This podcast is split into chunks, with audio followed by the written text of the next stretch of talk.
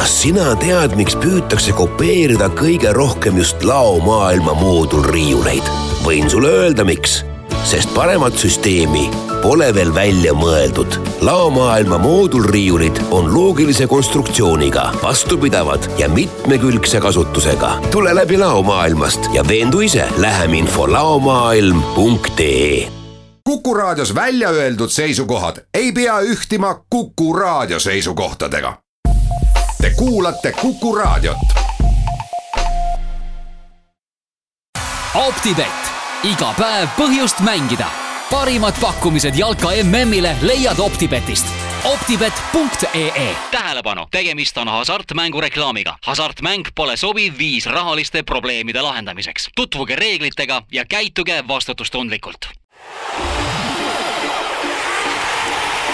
Kuku jalgpallipäevik. Optibett, iga päev põhjust mängida jalgpalli maailmameistrivõistlused on jõudnud päevani, mil selgub esimene finalist. õhtul kell üheksa algavas mängus lähevad Peterburis vastakuti Prantsusmaa ja Belgia. alanud on Kuku jalgpallipäevik, mina olen Andres Must. ühes jätkuvate jalgpallimängudega on jätkumas ka Kuku ennustusmäng, mille leiate meie Facebooki lehelt. Ennustusmäng toimub OpTibeti välja pandud auhindadele milleks Eesti Rannajalgpalliliiga ametlik meeskonnariietus, pusa, särk ja nokamüts, lisaks Nike'i rannajalgpallipall. arusaadavalt on tänaseks ennustusmänguks Prantsusmaa-Belgia. Prantsusmaa ja Belgia on jalgpalliväljakul ammused tuttavad. Esimene omavaheline mäng peeti esimesel mail aastal tuhat üheksasada neli, mil Brüsselis peetud kohtumine lõppes kolm-kolm viigiga mõlema meeskonna jaoks äh, oli tegemist esimese koondise mänguga üleüldse.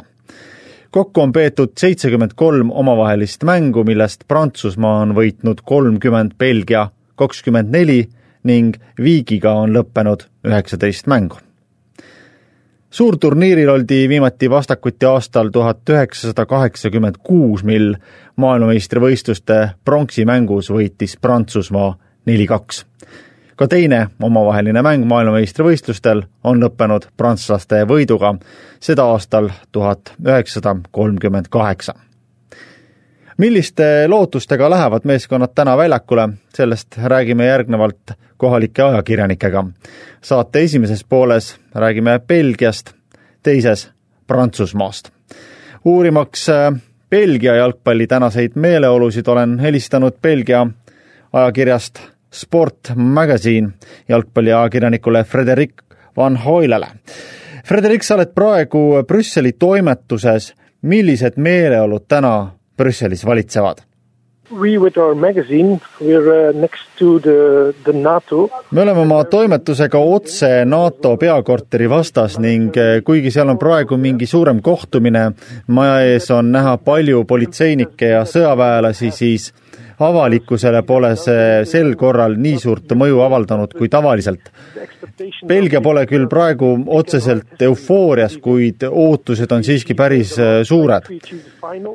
Meil on võimalus kirjutada ajalugu, sest pärast äh, kaheksakümne kuuendat aastat oleme taas äh, poolfinaalis ning praegu on võimalus ka esimest korda finaali pääseda. kaheksakümne kuuendal aastal kaotasime poolfinaalis niinimetatud äh, väikses finaalis pronksmedali Prantsusmaale ja ma võin kinnitada, et inimesed mõtlevad tollele ammusele mängule ka täna, sest tegelikult me pole Prantsusmaaga ametlikes mängudes pärast seda palju kokku saanud. pean silmas siis maailmameistrivõistlusi ja Euroopa meistrivõistlusi jah, nüüd ollakse tõesti ärevuses. meenub, et viimati mängisime Prantsusmaaga kolm aastat tagasi Pariisis sõprusmängus ning toona võitsime neli-kolm siis oli veel peatreeneriks Mark Wilmots ning meeskond mängis väga hästi toona polnudki mängu parim mitte Fellaini, kes lõi kaks väravat, vaid hoopis Raja Nainggolan, kes pole täna isegi koondises. see näitab samuti tänase meeskonna tugevust, kui saame sellise kaliibriga mehed koondisest kõrvale jätta. ka arvamus peatreener Roberto Martinesest on muutunud positiivsemaks ja seda suuresti tänu tema oskusele teha õigeid taktikalisi valikuid. seda eriti mängus Brasiiliaga, kus ta asetas Kevin De Bruyne'i kõrgemale, ta oli peaaegu ründaja positsioonil või noh, vähemalt ründaja vari.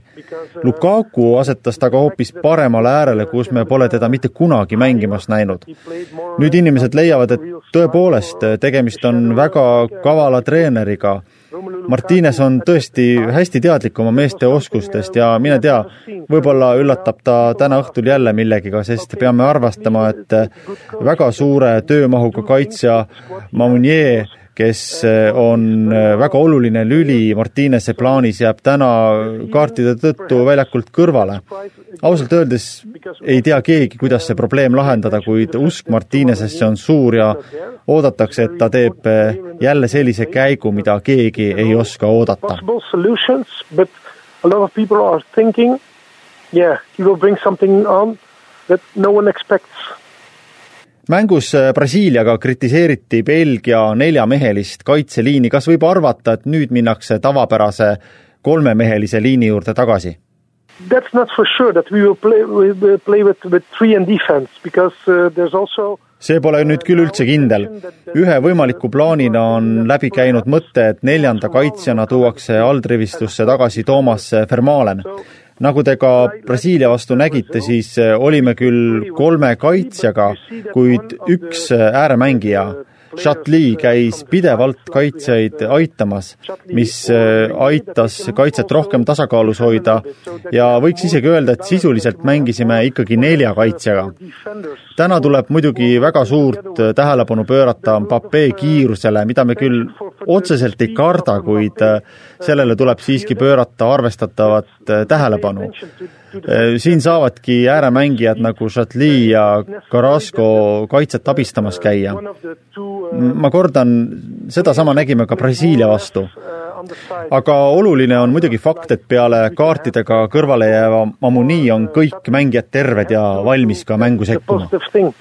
There's no, no injury, just uh, the suspension of uh, Toumameni millised võiksid olla need Prantsusmaa meeskonna nõrgad kohad, mille Belgia enda kasuks saaks pöörata?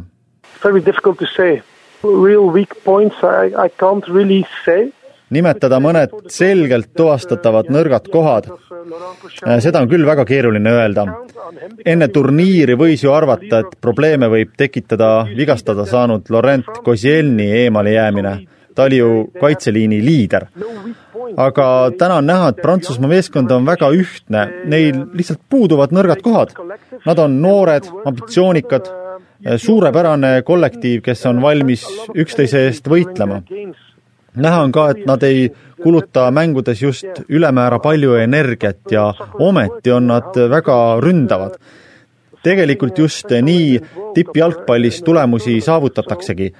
seega ma nõrku kohti esimese hooga küll nimetada ei oskaks kui siis ehk vaid vaimne pool, sest kui näiteks Belgia peaks juhtima asuma, siis ausalt öeldes ei oska ma küll osutada mängijale, kes prantslaste võistkonnas võtaks liidri rolli.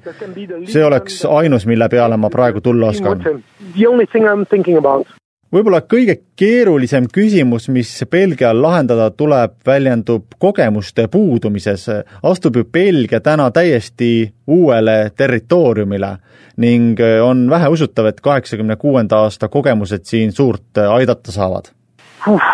Yeah, but I think that the big jah, tõepoolest, kuid ma arvan, et suur pluss meile on asjaolu, et kõikidel meie võtmemängijatel on klubi tasandil rahvusvaheline kogemus mängida suurtele tiitlitele Company ja De Bruyne Manchester City's näiteks töötavad koos Guardiolaga, nad teavad väga hästi, mida tähendab surve, kuidas sellega toime tulla.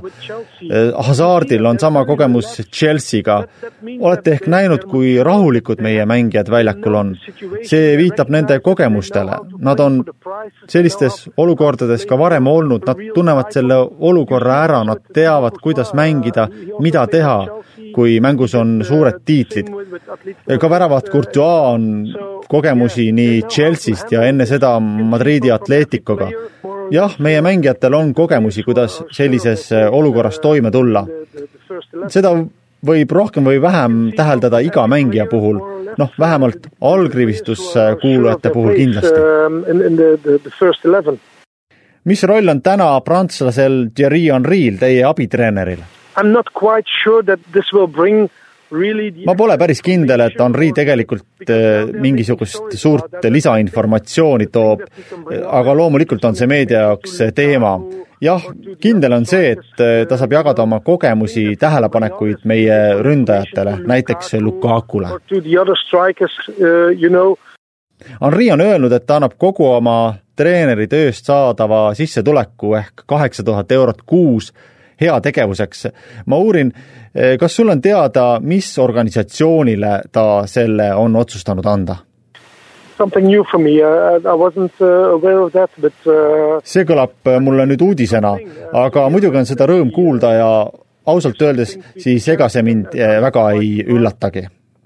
Quite surprised by that suured tänud Belgia jalgpalliajakirjanikule Frederik van Hoilele. teeme siin väikese pausi ning oleme hetke pärast tagasi. kuku jalgpallipäevik. optibett, iga päev põhjust mängida jätkumas Kuku jalgpallipäevik ning saate teises osas räägime Prantsusmaast ning selleks on meil telefoniühendus Prantsuse jalgpalliajakirja SoFoot ajakirjaniku Paul Picardiga. milliste lootustega Prantsusmaa tänast õhtut ootab? It's a really tough game tonight, I think, because Belgium are pretty impressive. ma arvan, et tegemist saab olema väga raske mänguga. Ma olen Belgia meeskonnast päris vaimustunud Õnneks on kogu meie meeskond valmis, vaid eh, kaitsja Benjamin Mendi, kes on turniiri algusest peale olnud eh, kimpus vigastusega, pole veel terveks saanud, kuid kõik teised on terved ja valmis mängima. ah jaa, Mbappé suhtes oli ka väike ebakindlus, teda kiusab väike seljahäda, aga ma olen üsna kindel, et ta on täna õhtul väljakul. ta andis ka ise mõista, et see valu pole nüüd väga suur. It's not that big enne turniiri räägiti, et peatreener Didier Deschamps saab küll kasutada andekaid mängijaid, aga probleem võib olla selles, et ta ei suuda tähti, suuri isiksusi üheks löögirusikaks vormida. kuidas tal see nüüd õnnestunud on? To be honest, seeing the last game against Uruguay viimane mäng Uruguayga muutis mu arvamust, sest näiteks eelnenud mängus Argentiinaga, mis oli küll tulemuse poolest rahuldav, kuid sellegipoolest lasime me ju lüüa endale kolm väravat. kuid Argentiina pole kohe kindlasti parim meeskonnana. Uruguay vastu, kes on juba ise meeskonnana väga hea, näitas Prantsusmaa juba väga head koostööd. meeskond on tõesti arenenud mul on tõepoolest tunne, et kõik need staarid on nüüd ühise eesmärgi nimel väljas. ma tõesti ei pannud tähele, et näiteks Griezmann, Pape või Pogba oleks püüdnud mängu kuidagi ise ära otsustada. pigem oldi tugev just kollektiivina. ausalt öeldes koguni väga-väga tugev kollektiiv ma ei tahaks öelda, et see on nüüd väga suur üllatus, kuid äh, mängus Uruguay'ga tegutses Prantsusmaa tõesti väga hingestatult ja võttis asja ikka väga tõsiselt ja seda kõik üheksakümmend minutit. ma tõepoolest loodan, et täna õhtul saab see kõik samasuguse jätku. kui nüüd otse öelda, siis Belgia meeskond, kes mulle sel turniiril on algusest peale enim muljet avaldanud. selge on see, et kui nende vastu võitu soovida, siis tuleb selleks olla väga tugev ennekõike just meeskonnana. You want to win against them, you have to be a very strong collective unit, to be honest viimastel aastakümnetel on Prantsusmaal olnud nii kõrgel tasemel võrreldamatult rohkem kogemusi. kuidas saaks Prantsusmaa täna need kogemused enda kasuks pöörata? It's a tough question because yes, maybe uh, you know see on raske küsimus.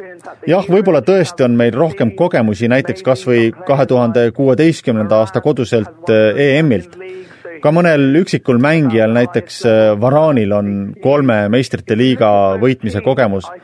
aga kui nüüd vaadata mõlemat meeskonda lähemalt, siis esmalt torkab meie võistkonna puhul silma selle noorus, meil on väga-väga noor meeskond. kui jätame kõrvale Lorisi ja Griezmanni, siis on kõik noored juba isegi mainitud Varan on alles kakskümmend viis, ka teised kaitsjad, näiteks Umtiti on noor ja loomulikult Pape. see võib osutuda keeruliseks probleemiks. seevastu Belgia mängijad on parimas vanuses, lähenemas kolmekümnele või juba üle selle, nagu kompanii Alderweireld, Vertongelin on juba üle saja maamängu ja ka tähtmängijad nagu Hazard, De Bruyne, nad on kakskümmend seitse, nagu näiteks Griezmann. ma arvan, et tulenevalt vanusest ja kogemusest Belgia põhimeeskond on koos juba kahe tuhande neljateistkümnendast aastast, on neil suur eelis. meil on isegi kahe aasta tagusega toimunud väga palju muutusi ja seda igas liinis. see lubab mul väita, et tegelikult ei ole meie meeskonnal rohkem kogemusi.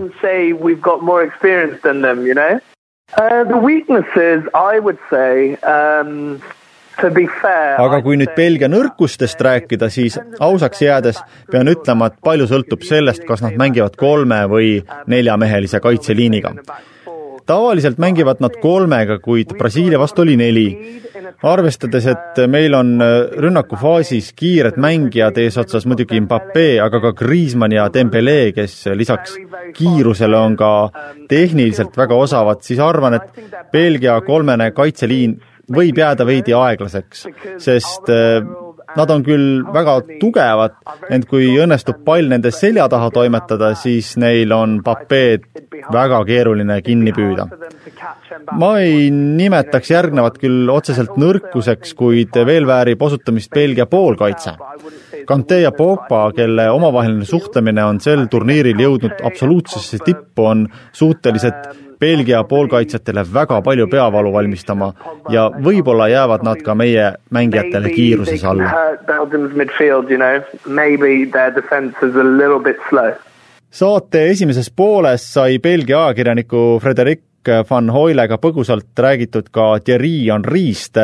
huvitav on, et mõned päevad tagasi mainis Oliver Giroud, et üheks eesmärgiks tänases poolfinaalis saab olema Henri'le tõestada, et ta valis vale poole. kas Henri'l tõesti oli võimalus ka Prantsusmaa meeskonnaga liituda? Well, not really. I mean, there, there's been a lot of talk about it in the in recent days in France, but ausalt öeldes mitte. loomulikult on Henri'ga seonduv ka Prantsusmaal olnud viimastel päevadel teema, kuid tuleb rõhutada, et Henri pole kunagi Prantsusmaale midagi ära öelnud, sest Prantsusmaa pole talle midagi pakkunudki. nii palju, kui mulle teada, lootis ta saada pakkumist hoopis Londoni Arsenalist, kuid Arsene Wenger talle seda ei pakkunud. siis tuli pakkumine aga Belgiast seevastu Prantsusmaal sellele isegi ei mõeldud. seega tõepoolest, ma ei saa kuidagi väita, et see teema väga suur siin oleks. nagu juba öeldud, ta ei valinud Belgiat Prantsusmaa asemel ja teiseks tuleb aru saada ka sellest, et ta on Belgia peatreeneri Roberto Martinezi kolmas abiline. jah, muidugi Henri on meie legend Belgia pingil, kuid ausalt öeldes, kui ma nüüd sinult küsin ükskõik millise koondise peatreeneri kolmandat nõuandjat, siis ma küll ei usu, et sa oskaksid peale Henri kedagi teist nimetada. ma ise ka ei tea Prantsuse meeskonna kolmandat abi. selge on see, et märgiliselt on Henri muidugi suur teema, kuid võttes aluseks vaid jalgpalli, siis pole seal mingit tähtsust jah, tema teadmised muidugi aitavad Belgia ründajaid teataval määral, palju on räägitud just Lukaku aitamisest. How he's helped uh, Lukaku develop into like a millised siis on täna meeleolud ja ootused Prantsusmaal ja kas sa pead võimalikuks, et emotsioonid, mis vallutasid Prantsusmaa täpselt kakskümmend aastat tagasi, on ka täna võimalikud? In France it's always a bit like it's a slow starter, you know, France, if you prantslased on sellised aeglased käivitujad. meeleolu ja kirg saabub koos meeskonna saavutustega. nüüd, mil ollakse poolfinaalis, on inimesed juba väga ootusäravad aga kui nüüd aus olla, siis äh, tõepoolest, kui me võidaksime MM-i, siis pidustused oleksid muidugi suurejoonelised, väga meeleolukad, ei mingit kahtlust. aga seda emotsiooni, mis oli üheksakümne kaheksandal aastal, seda ei saabu too võit oli unikaalne kahel põhjusel. esiteks oli see Prantsusmaa esimene MM-võit, see oli kaua oodatud.